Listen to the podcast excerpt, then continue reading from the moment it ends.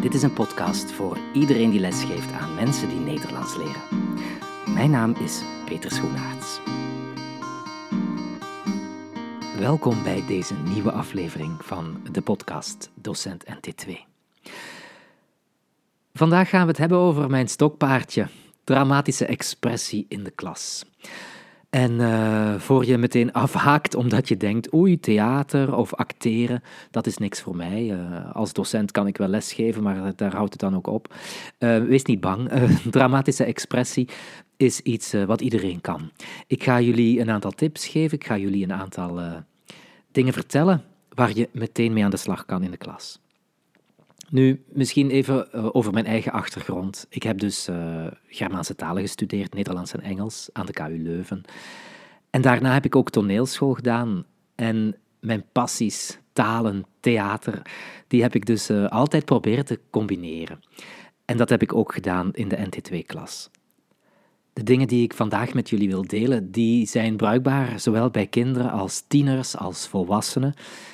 Dus je moet er maar uitpikken wat jij kan gebruiken, wat jij zelf leuk vindt. Um, ik heb zelf heel vaak gemerkt, als ik workshops gaf, bijvoorbeeld aan uh, leerders van het Nederlands, dat als ze met dramatische expressie aan de slag gingen, dat ze veel plezier maakten, dat ze enthousiast werden. En dat is natuurlijk wat we willen bereiken. We willen dat ze gemotiveerd zijn om Nederlands te leren en dat ze dat met plezier blijven doen. Ik denk dat dramatische expressie daarbij kan helpen. Ik heb um, al meer dan twintig jaar theater ook gemaakt voor en met anderstaligen.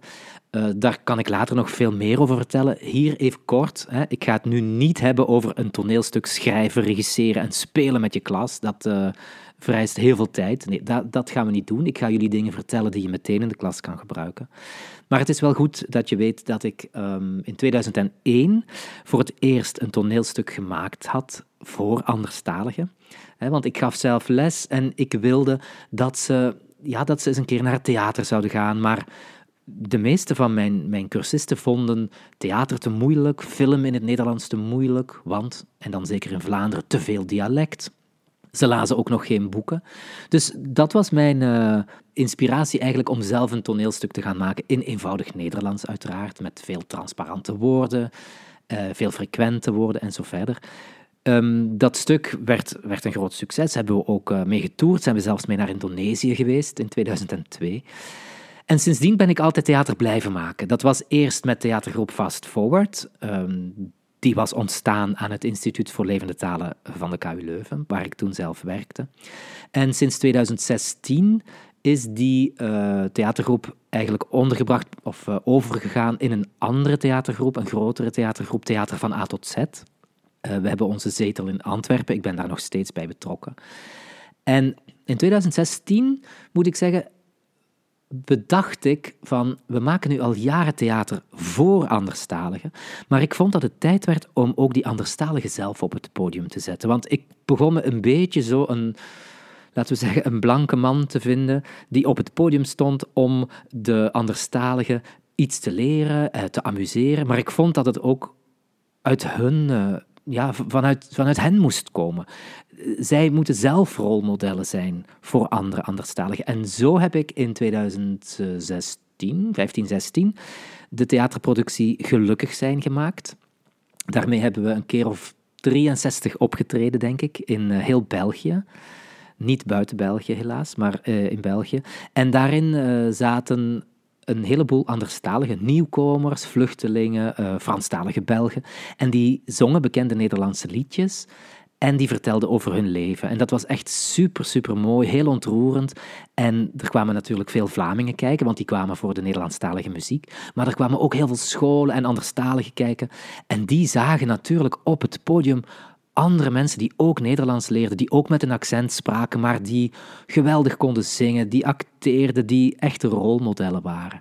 En dat vind ik wel fijn. Sindsdien heb ik nog vaker uh, theaterproducties gemaakt waar ook anderstaligen in zitten, uiteraard. Um, ik zal later nog wel meer vertellen over, over dat soort theater, maar vandaag ga ik het dus hebben over de dramatische expressie die je zelf in de klas kan toepassen. Nu, ik, uh, ik zei het al, ik heb uh, jarenlang ook workshops dramatische expressie gegeven, doe ik nog steeds. En ehm, ik heb eigenlijk daar geleerd dat je mensen van alle leeftijden zonder acteerervaring heel snel op een natuurlijke manier dialoogjes kunt laten spelen. Dat is gelukt dankzij het toevoegen van emoties. Ik leg steeds de focus op bepaalde emoties van de personages en je zal zien dat dan de rest bijna vanzelf zal, uh, zal lukken. Uiteraard wordt er dan ook aan de intonatie gewerkt en zo verder, maar daar spreek ik nooit expliciet over met de anderstaligen. Laten we beginnen. Um, wat ik vertel trouwens, en het dialoogje dat ik zo meteen zal, uh, zal geven, dat kun je ook downloaden. Daarvoor ga je gewoon even naar de site www.docentnt2.eu. Je kent hem ondertussen misschien wel. Daar kun je het allemaal uh, vinden. Maar dus ik ga het even vertellen. Dit is een niet-zeggend dialoogje dat ik altijd gebruik als basis. En dit kun jij ook gebruiken in de klas. Dit is de dialoog. Ik ga hem zelf heel even spelen. Het zijn twee mensen die tegen elkaar praten. Ik doe hem even gewoon neutraal. Goedemorgen. Goedemorgen. Hoe gaat het? Het gaat goed en met jou? Ook goed. Oh, wat fijn. Ja, heel fijn. Kijk, deze tekst stelt niks voor. Hè? Dit is gewoon een tekstje dat heel oppervlakkig is. Maar ik vraag aan de leerlingen of cursisten om betekenis te gaan geven aan die tekst. En je schrijft die tekst op het bord bijvoorbeeld, of je deelt die uit op papier. Het is echt heel kort, dus je kan hem ook snel uit het hoofd leren. En dan zeg ik dat die dialoog eigenlijk heel saai is, omdat er geen betekenis in zit. En we gaan betekenis toevoegen door emoties te gebruiken. Nu, je kan dan aan je leerlingen of cursist vragen van hoe zou je dat kunnen spelen? Welke emotie zou je kunnen gebruiken? En ehm, dat is eigenlijk een eerste stap in deze oefening, dat je samen met hen even de mogelijke emoties bekijkt. Opschrijft, stel ik wel voor, dat je ze opschrijft, zodat ze, als ze gaan spelen, ook de emoties ergens bij de hand hebben, dat ze daarnaar kunnen kijken. Dat kan op een bord zijn, dat kan op hun eigen blad zijn, dat maakt niet uit. Maar ze moeten ergens de emoties kunnen, kunnen zien die ze gaan spelen. Dus je kan vragen, uh, welke emoties ken je, welke emoties kun je toepassen op dit dialoogje. Nu, ik geef er een paar, hè, ik zeg maar wat, maar er zijn natuurlijk nog heel veel andere. Je kan bang zijn, blij, enthousiast, vriendelijk, boos, heel boos, dus woedend. Je kan verliefd zijn, verlegen, jaloers, hysterisch, verveeld, nerveus, triest, depressief, geïrriteerd, wat dan ook. Het is belangrijk dat je die dingen al even activeert, hè, of dat je eventueel ook uh, samen met, uh, met kinderen of bijvoorbeeld lager geschoolde volwassenen uh, die emoties eventjes oefent. Um, hoe zeg je iets blij? Hoe zeg je iets enthousiast? Hoe zeg je iets boos?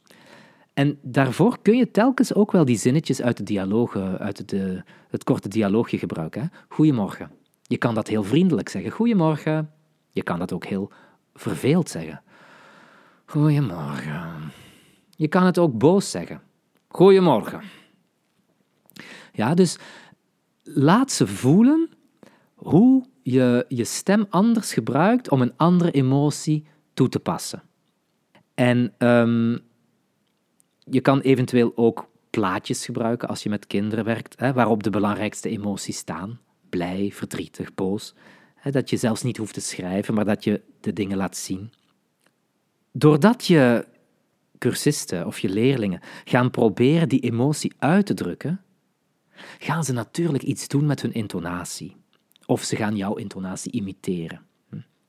Ook uh, Nederlandstaligen trouwens, die zullen met hun intonatie gaan werken als ze een emotie willen uitdrukken. Maar je hoeft dat niet expliciet te maken, maar dit is wel waar je ondertussen ook aan werkt, aan de intonatie. En dat is belangrijk, want veel anderstaligen die, uh, die proberen soms wel aan hun klanken te denken, maar het is heel moeilijk om aan die intonatie te werken. Maar als ze gaan spelen, als ze een Nederlandstalige gaan nadoen, gaan imiteren, dan lukt het hen vaak wel om, die, die, ja, om, om te imiteren dat ze... Ja, iemand die Nederlands spreekt te imiteren, zal ik het zo zeggen. Um, dus dat is echt uh, de moeite om eens te proberen. Nu, je maakt de, de, de leerders er ook van bewust dat betekenis niet alleen door woorden wordt uitgedrukt. Um, ik heb net het voorbeeld gegeven, je kan uh, goedemorgen zeggen op een boze manier. Het kan helemaal geen goedemorgen zijn. Stel dat je bijvoorbeeld zegt: Ja, ik ben blij. Ik ben blij.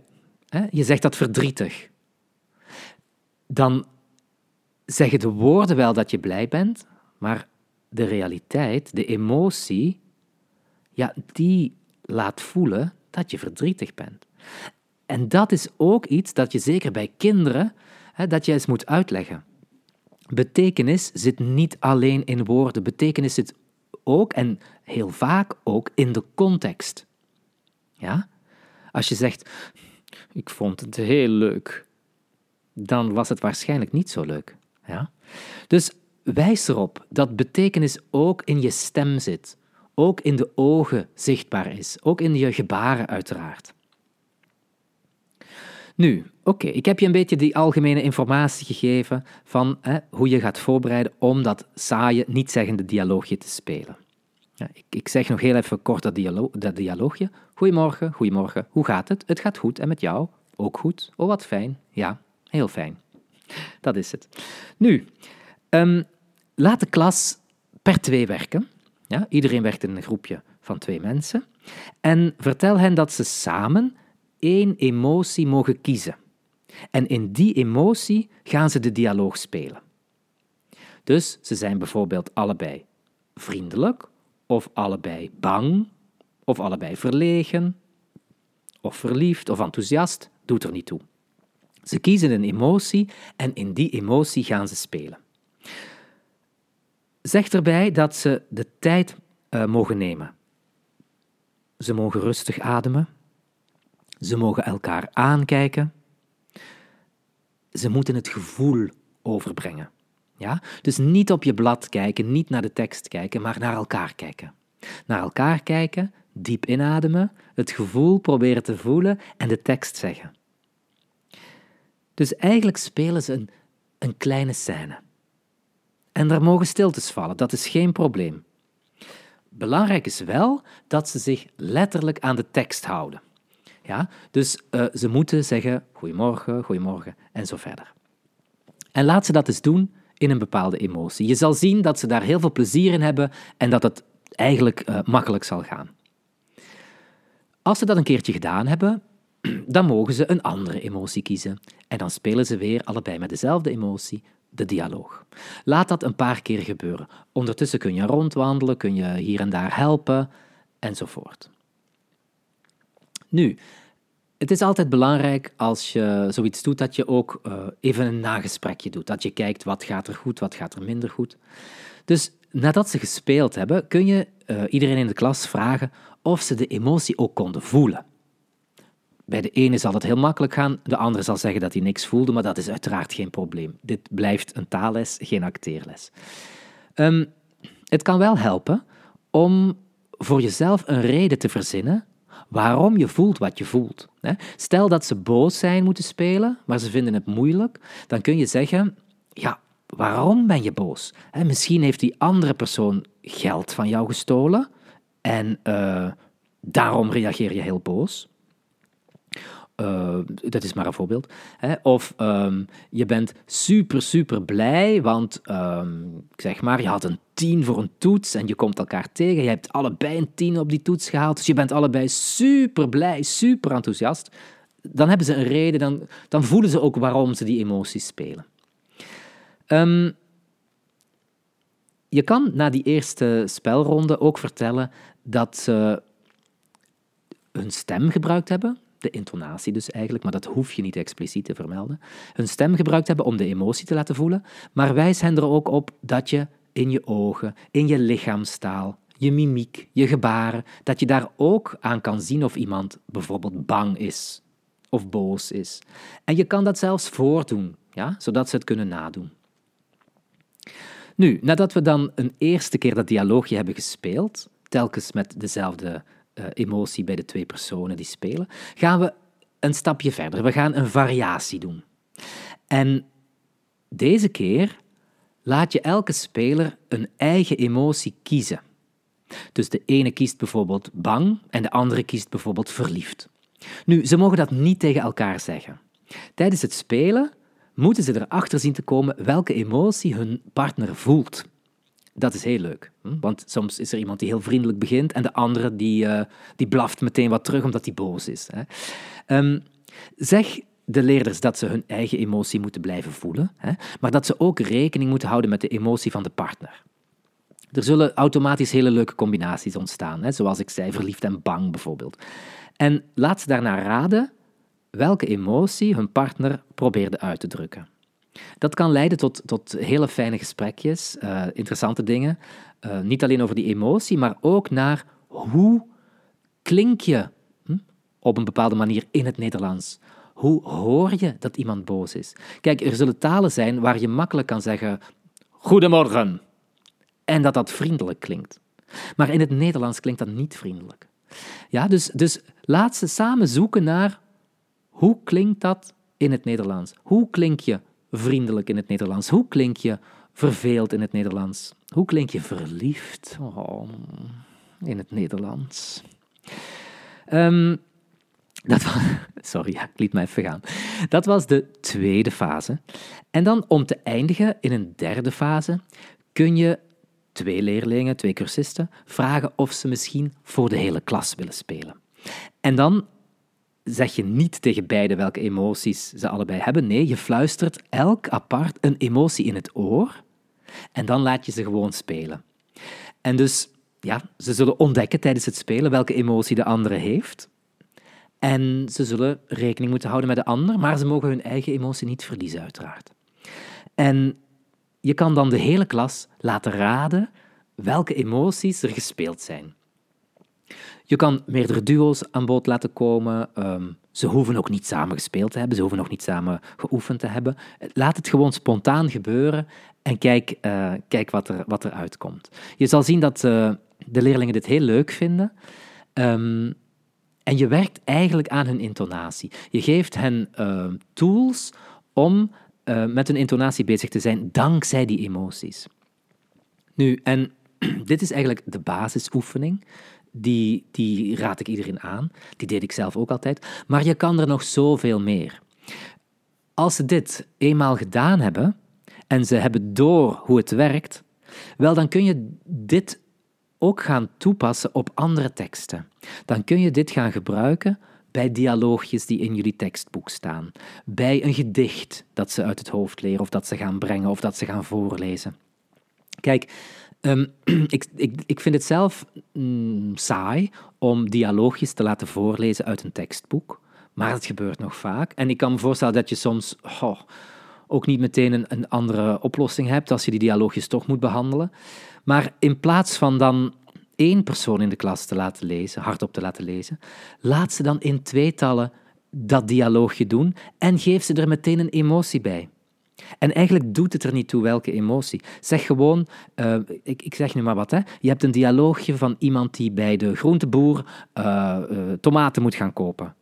In plaats van dat gewoon saai te laten voorlezen, zeg dan gewoon bijvoorbeeld: Kijk, de groenteboer is vandaag een beetje, een beetje slecht geluimd, een beetje knorrig, hè? met het verkeerde been uit bed gestapt, maar de klant die is verliefd op die groenteboer. Lees maar, speel maar. En je zal zien dat dat voor enorm veel plezier zorgt. En kijk, dat wil je. Hè? Je wil die dialoog behandelen, maar je wil ook dat de leerders zich amuseren en dat de leerders uh, met plezier met de taal bezig zijn. Dus ik zou altijd die emoties gebruiken bij dialogen, bij gedichten, bij alles wat een, een beetje een realistisch taalgebruik vereist. Uh, nu wil ik hier nog wel even een, eh, een kleine opmerking bij maken.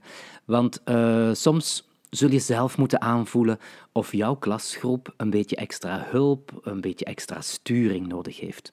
Um, ik kan me voorstellen dat dat bij kinderen meer zal zijn dan bij volwassenen, maar dan nog um, hoger of lager geschoolde volwassenen. Je moet zelf een beetje aanvoelen, um, moet ik hier gaan helpen? En met helpen bedoel ik hen op weg zetten. Uh, bijvoorbeeld, stel dat je zegt, uh, je geeft een emotie, dan is het voor sommigen misschien nog moeilijk om te weten hoe ze die emotie moeten spelen. Dus doe het een keertje voor. Stel dat je bijvoorbeeld zegt, um, je bent, je bent uh, nerveus. Dan is het handig hè, dat je niet alleen de emotie geeft, maar dat je ook vraagt, hoe hoor je dat? dat iemand nerveus is? Wat doet die persoon met zijn stem? En dan kun je bijvoorbeeld zeggen: kijk, als je nerveus bent, dan uh, spreek je snel, dan spreek je soms hoger, dan uh, maak je geen lange zinnen. Dus nerveus is een, beetje, een, beetje zo. Uh, dat, dat, dat is nerveus zijn. Um, hoe klink je bijvoorbeeld verliefd? Verliefd is oh, zo zacht. Je gebruikt een zachte stem. Je gaat een beetje lager spreken, traag spreken. Ja? Dus, dus wat ik wil zeggen, geef niet alleen de emotie. Als je merkt dat dat moeilijk is, geef dan ook, hè, of stel dan ook de vraag: hoe hoor je die emotie?